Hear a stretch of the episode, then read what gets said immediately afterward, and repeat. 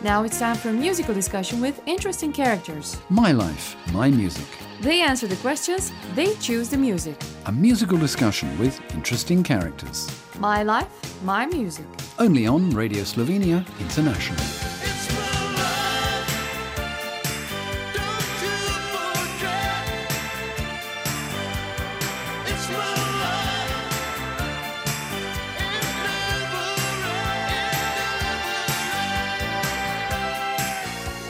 The guest in the programme this week, Anya Golob, who's a poet and literary editor. Welcome to the studio. Hi. And it's nice to be in the studio this week too, because many of the recordings I do have been in various places, but it's very relaxed here. Tell me just a little bit about what you're doing right now. Okay. I've been traveling a bit and then I came back and it's really, really busy at the moment. I'm not writing any poetry at the moment because I simply don't get to it. The publishing house just had a, a new release which is a little bit special because this is a first release ever that our publishing house did of a Slovene original book. We publish graphic novels and similar things. This one is a cross genre kind of. It's a grotesque vignette, which is like really, really amazing. I, I love it. It's from Eva Markowitz did the, the text and Eva Mlinar did the illustrations, and they function together brilliantly. It's called Vignette Straholjubca. I don't know how to translate this into. English.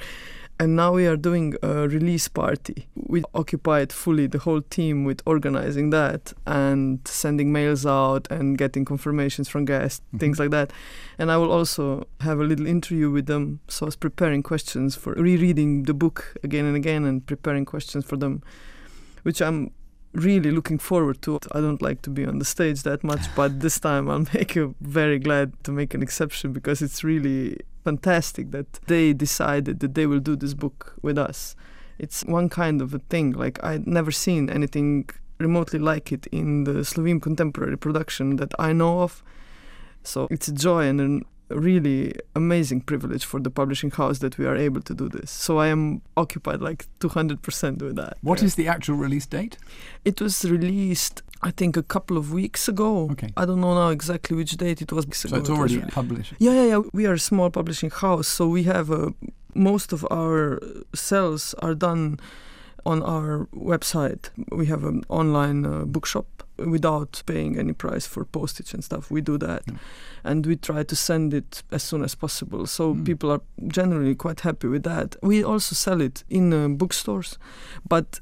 In Maribor, for example, you don't have a bookstore where we could sell it. With the second biggest city in the country, then you can imagine what's the problem with the smaller ones. So we try And to indeed, anyway, bookstores around Europe in general and probably the world are finding that online is now becoming more effective. But I have to admit, I like walking into a bookshop. I Me like too. touching and feeling a Me too. Me too. I'm tremendously sad that it's like that. Yeah. That's actually not possible to sell our books here. As I live here in the city now for like more than half a year, it's like shit. It's not. how is this not possible? You Yeah. know. You chose music for this conversation. Mm. Music is important to you. Yes, I would say yes, very much so. Was there a journey? Was there a reason for the choices other than you like the tracks? All right. Yes, uh, when I had this chance, of course, I jumped. I jumped at it immediately. Then I had to put stuff away. For example, one of the choices I'm, I was really sad I had to let go. Then, if I wanted to had this red thread through it, was uh, Tindersticks. It kind of like was too much out there from the others. So I, I decided that I will go with this ex-Yugoslavian Okay. space. Much of what I know, but some I don't, and Uh-huh. some I was really pleased to hear. So Okay. tell me how we start.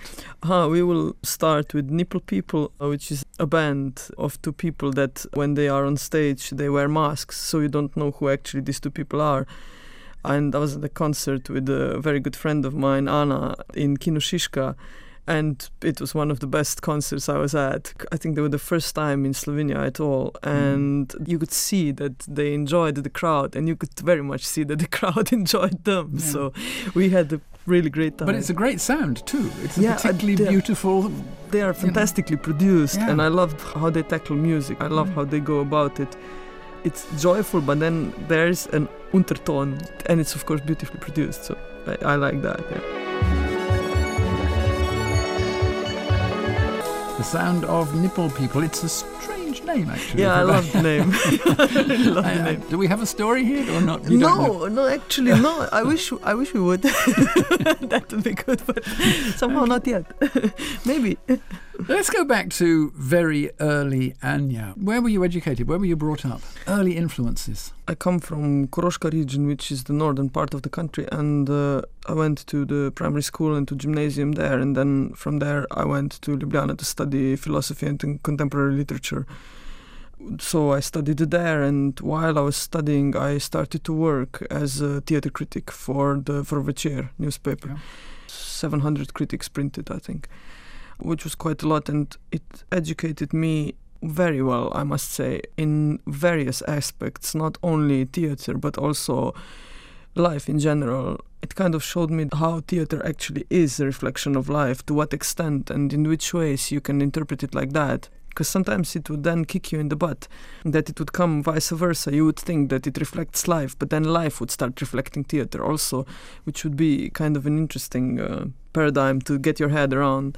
I enjoyed that time really a lot, and I've seen a lot of crap, but I've also seen some wonderful, fantastic performances that maybe I was not able. Theatre not for be- me is something special, but I was brought up to love it, and I lived in the Midlands of the UK, so Mhm. access to places like Stratford and or London were very simple. Tell me about Slovenia and theatre, because for me in the UK, it had been fairly elitist in a way. And it's a very narrow area, and the average person in the street probably doesn't even think of going there. So, what is it like here? Yeah, I know what you're talking about. I think a little bit. I saw a performance of Shakespeare at South Bank in London a couple of years ago, and we eloped um, half an hour in.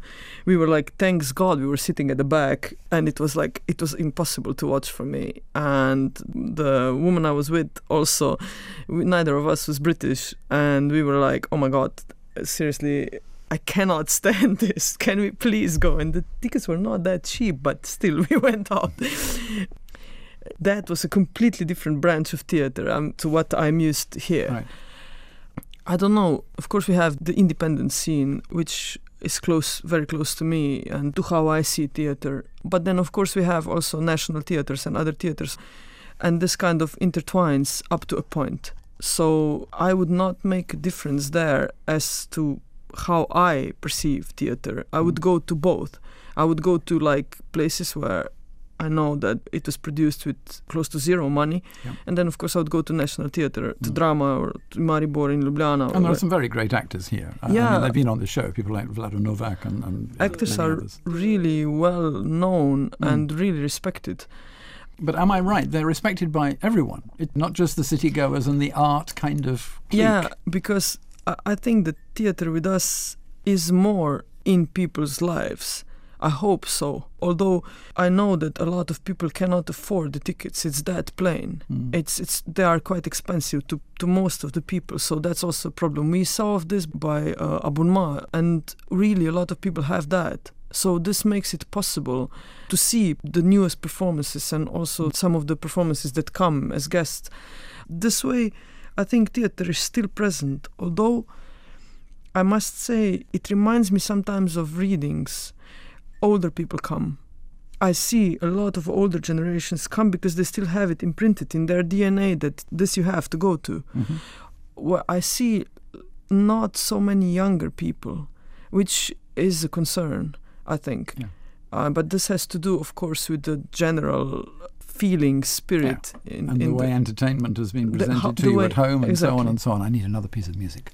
that's uh, Idoli. I had to put this in. So this is a kind of a pr- program song, which of course the lyrics tell it all. It's about how one guy says to another that he rarely sees him with girls, and that how is this? So this was a, a song that, at that time when it was produced, which was in still in ex-Yugoslavia, where gay issues were not that much discussed. This was one of those songs where you could know what it's about without saying it, and in this sense, then very important.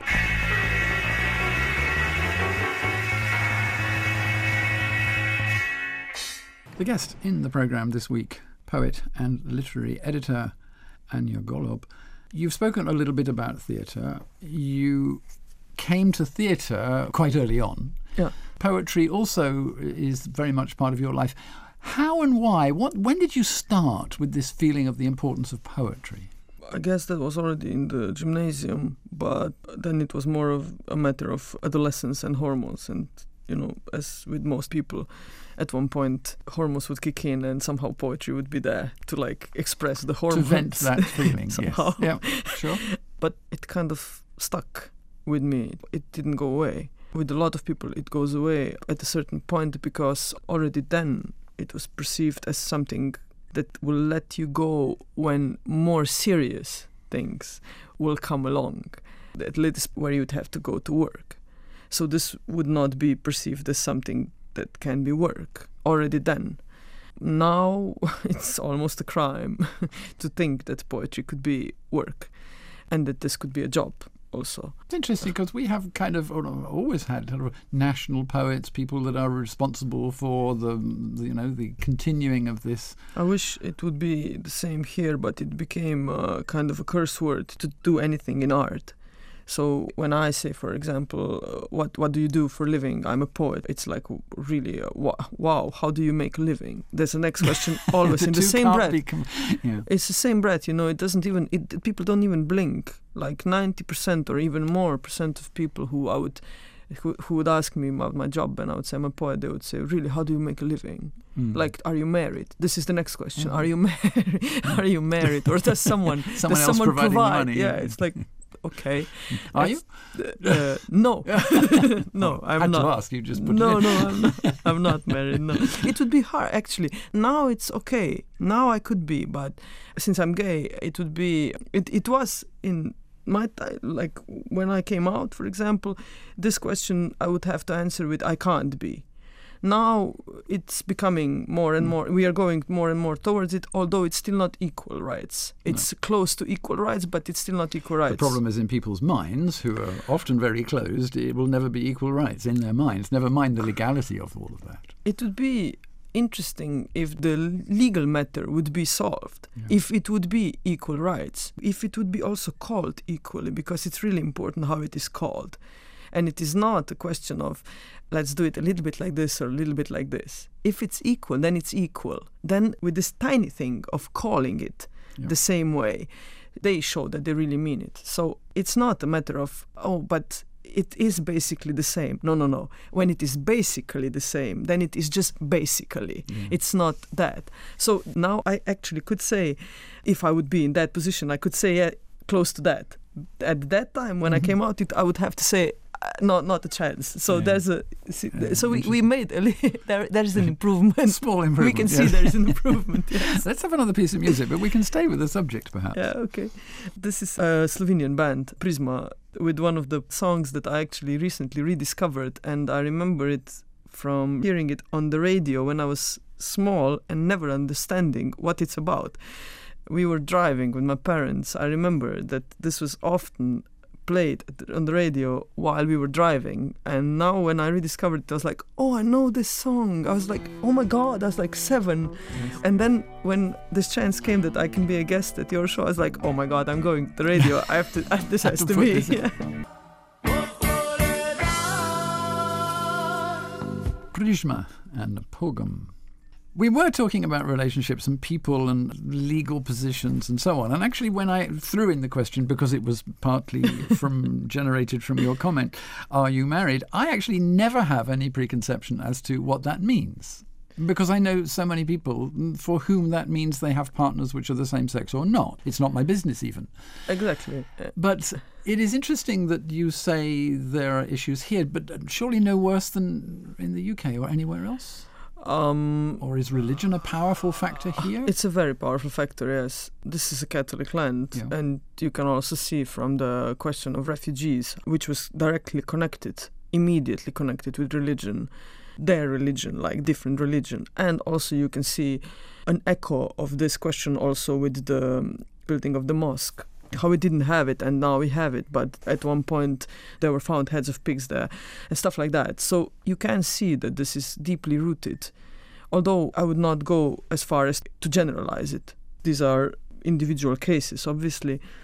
but it is kind of impregnated the, the general opinion with the fact that, that this is a Catholic land. And I think every time there is a question whi- which is sensitive to that topic, this would also be raised with it. So, for example, every time that we have a question of terminating the pregnancy, where we have this uh, reproductive rights in question, and as we know, we have this written in the uh, how do you how do you call it stava How do you- Constitution? constitution thank you yeah so we have it in the constitution but of course this particular topic is so sensitive that every time we have to fight for it again and again and again every Mhm. time anew and always it would be raised together with the question of uh, religion of faith And are younger people not being more outward looking? I would love to believe that, although there are signs to point to the contrary, uh, which I am deeply conflicted about. I mean, this this worries me enormously because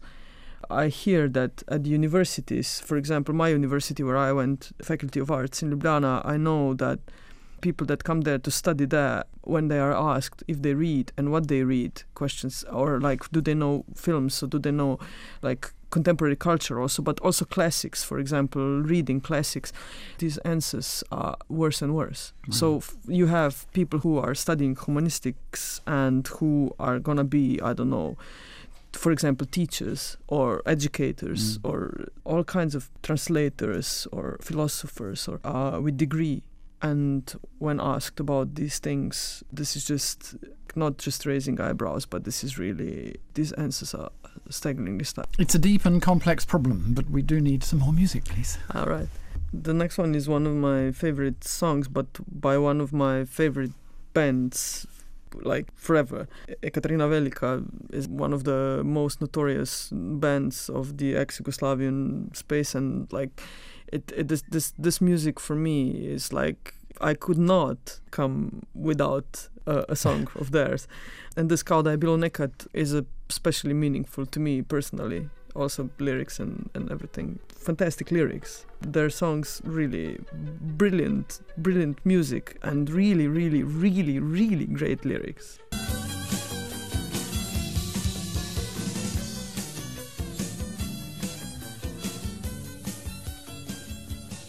The sound of Ikavea. Ekave. Okay. the sound of Ekave. Obviously, for you as someone who writes and writes poetry, the lyrics of music are key to the music. Uh, Yes. I mean, it, it's not Yes. just about what it sounds like. Uh, no, it's actually, uh, it would be hard to say more about what the lyrics are about. That's far fetched, but I would say 50 50 Oh, okay. at least. Okay. I've- kind of got the impression that you're choosing music on the basis of what it was writing about rather than simply what it was composed for.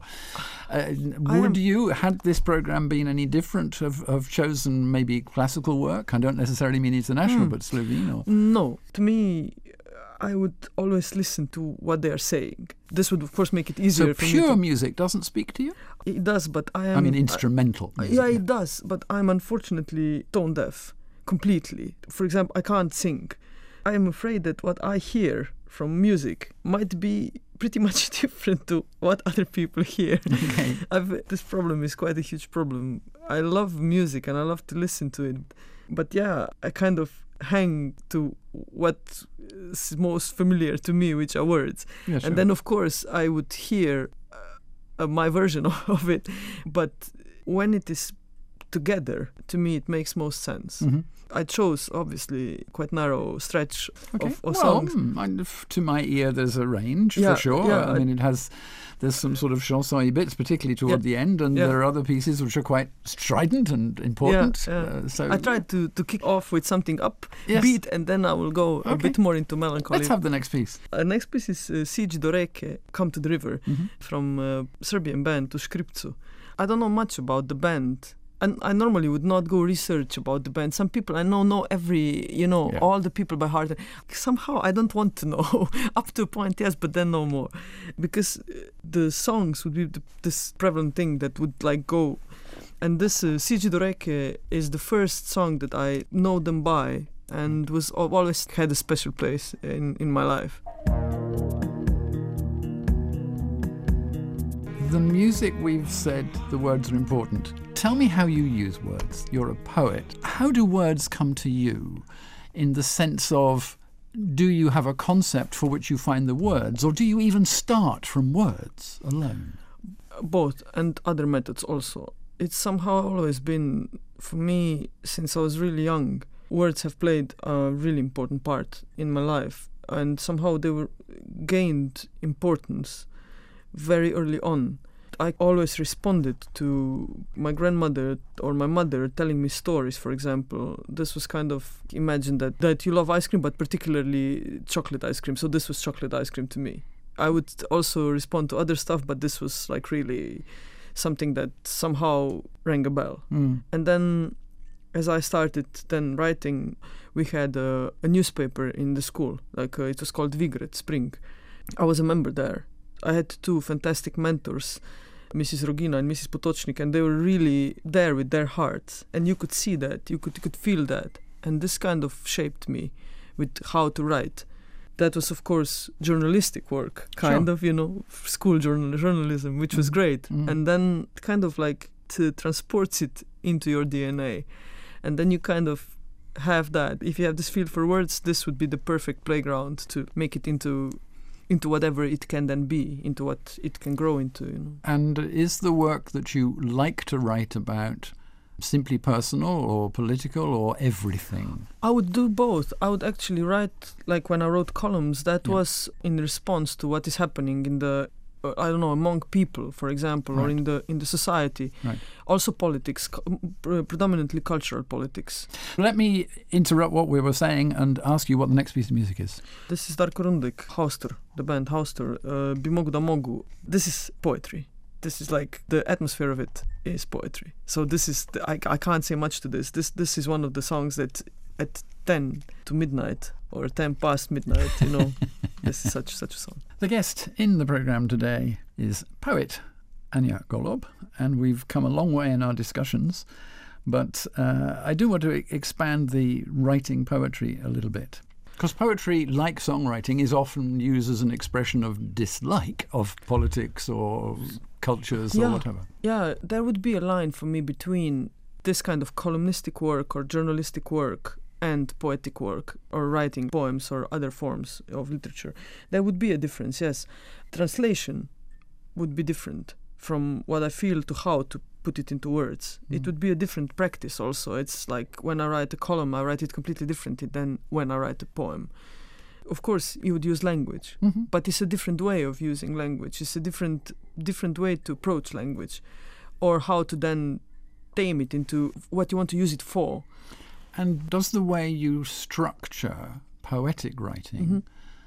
is that about how you personally feel about that structure and what it means, or do you consider how you should write to reach a particular audience?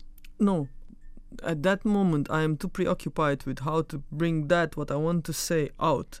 Into so you're words. painting a picture in words for yourself. Mm, no, I know that is this is not gonna go. Of course, let, now we are talking about something that's a successful poem. Things that are shit, I will throw away immediately. Of so course, I but, would not. but what's but your opinion of shit? You see, might be different to the audience. You're not prepared to write something that might Mm, reach an audience. If I know that, if I know that this is not going, I would know quite early on if a thing is going somewhere or not. So I would also see from the practice that I now have a couple of years, I would know that which has potential and which doesn't. And rarely I was wrong. Sometimes it would happen that I would put things out of the basket and would then use pieces of it, so I would not throw them away immediately. But uh, most of the time, when I figured it was shit, it was shit. It was not even considered that now this maybe I could rescue, and then there would be something in there. Really rarely. But if you're talking about a poem that is successful, let's say that I would rent till the end and then work on it and make it better and bring it up to a point where I would say, okay, now this is done and I'm I'm satisfied with it. I would. It it's quite hard for me to to bring out the feelings or the thoughts that I have to like translate them correctly into words. So this is this procedure, this process is quite hard. And it takes a lot of time and it, it's quite nerve wracking also. It's not a thing that I would enjoy doing. It, I mean, of course, you enjoy doing it, but it can be quite annoying. Sometimes it can also be painful because you see how fucking impossible it is, you know, and how like how I with all that I'm reading and with all that I know, how am I still not how st- I'm still not able to bring out that particular thing that I want to bring out. How it's mm. not possible mm. with all that I have, I cannot. It's a shitty feeling. You feel kind of like in a battle. You you really gave it your all. You really really tried. And already when you're on your knees, you're still you still you still Fighting tried. the fight. Yeah. Yes, but then you someone came and you, you had to succumb. And you were like, I'm defeated. I cannot. You know, Mm. this this this is kind of this kind of feeling. I cannot. You know, I really don't know how. I went from this angle. I went from this angle. I went like this and up and below and everywhere, and I can't. Mm. It's then- a brick wall. Yeah, it's kind of like you know you're probing a brick wall. Yeah, Yeah. and you just have a little soup spoon. You know, and how will you do this? You know? Uh, it's time for yet another piece of music. Only two more pieces to go. Where should we go now? Yeah, this is perfect to what we just debated. This is uh, Tiche Sonive from Tomaž Pengov, Mhm. which I don't think needs any. I wouldn't dare to give any introduction to this.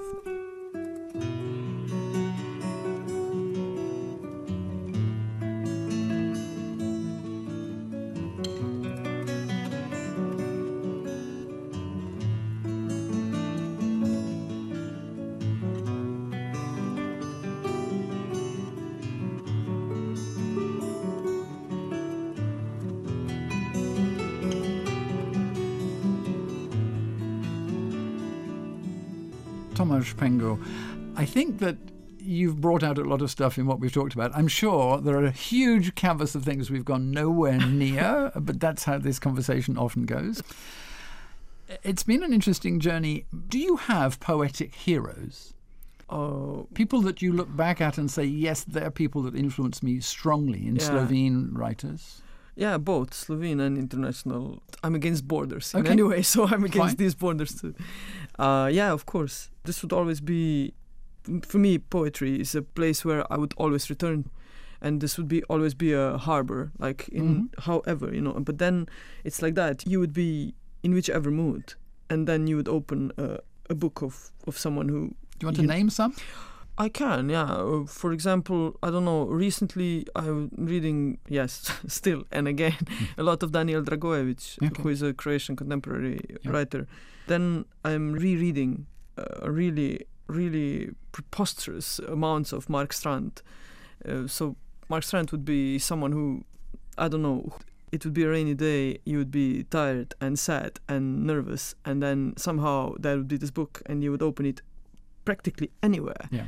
and there would be in 10 pages there would be a line that would shake you completely when this happens then i ask myself how people can live without it when it's yes. so brilliant Yeah, yeah. you know And of course, that's one of the reasons why I think people miss out on a lot of writing, not just poetry, but writing in general, is the fact that we are presented, and we said it at the very beginning, we're presented on the screen or even on the radio with a whole wash of material, which is easy and effortless and meaningless, probably, to watch. It requires nothing of the audience almost.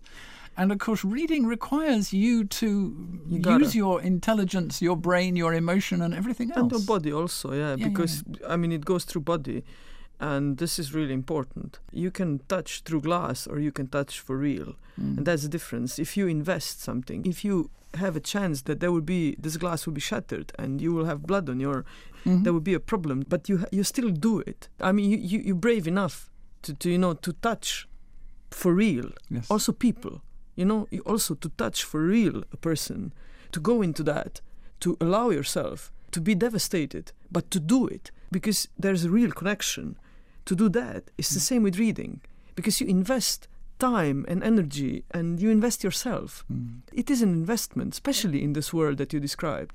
It's a tremendous investment. But then, if you do that, you risk, but you gain so much. You gain not only what you read and not only that you expand, but you gain a life Mm. that is worth living. This, you know, that has three and more dimensions. Yeah. For it's me- food for the brain in a way. Be- even beyond that, Yes, I mean, sure. it's just it's it's a way of life that is completely different from this superficial kind of like plastic. You know, this And we need to sit down and just slow down and begin to think a bit more That's about how what we do. human to also be. I mean, of course it's fast and of course you have to react Yeah. and blah blah blah. But then Mm. this is also a way of it's a decision. I came to with with years. I figured more and more. It's a decision.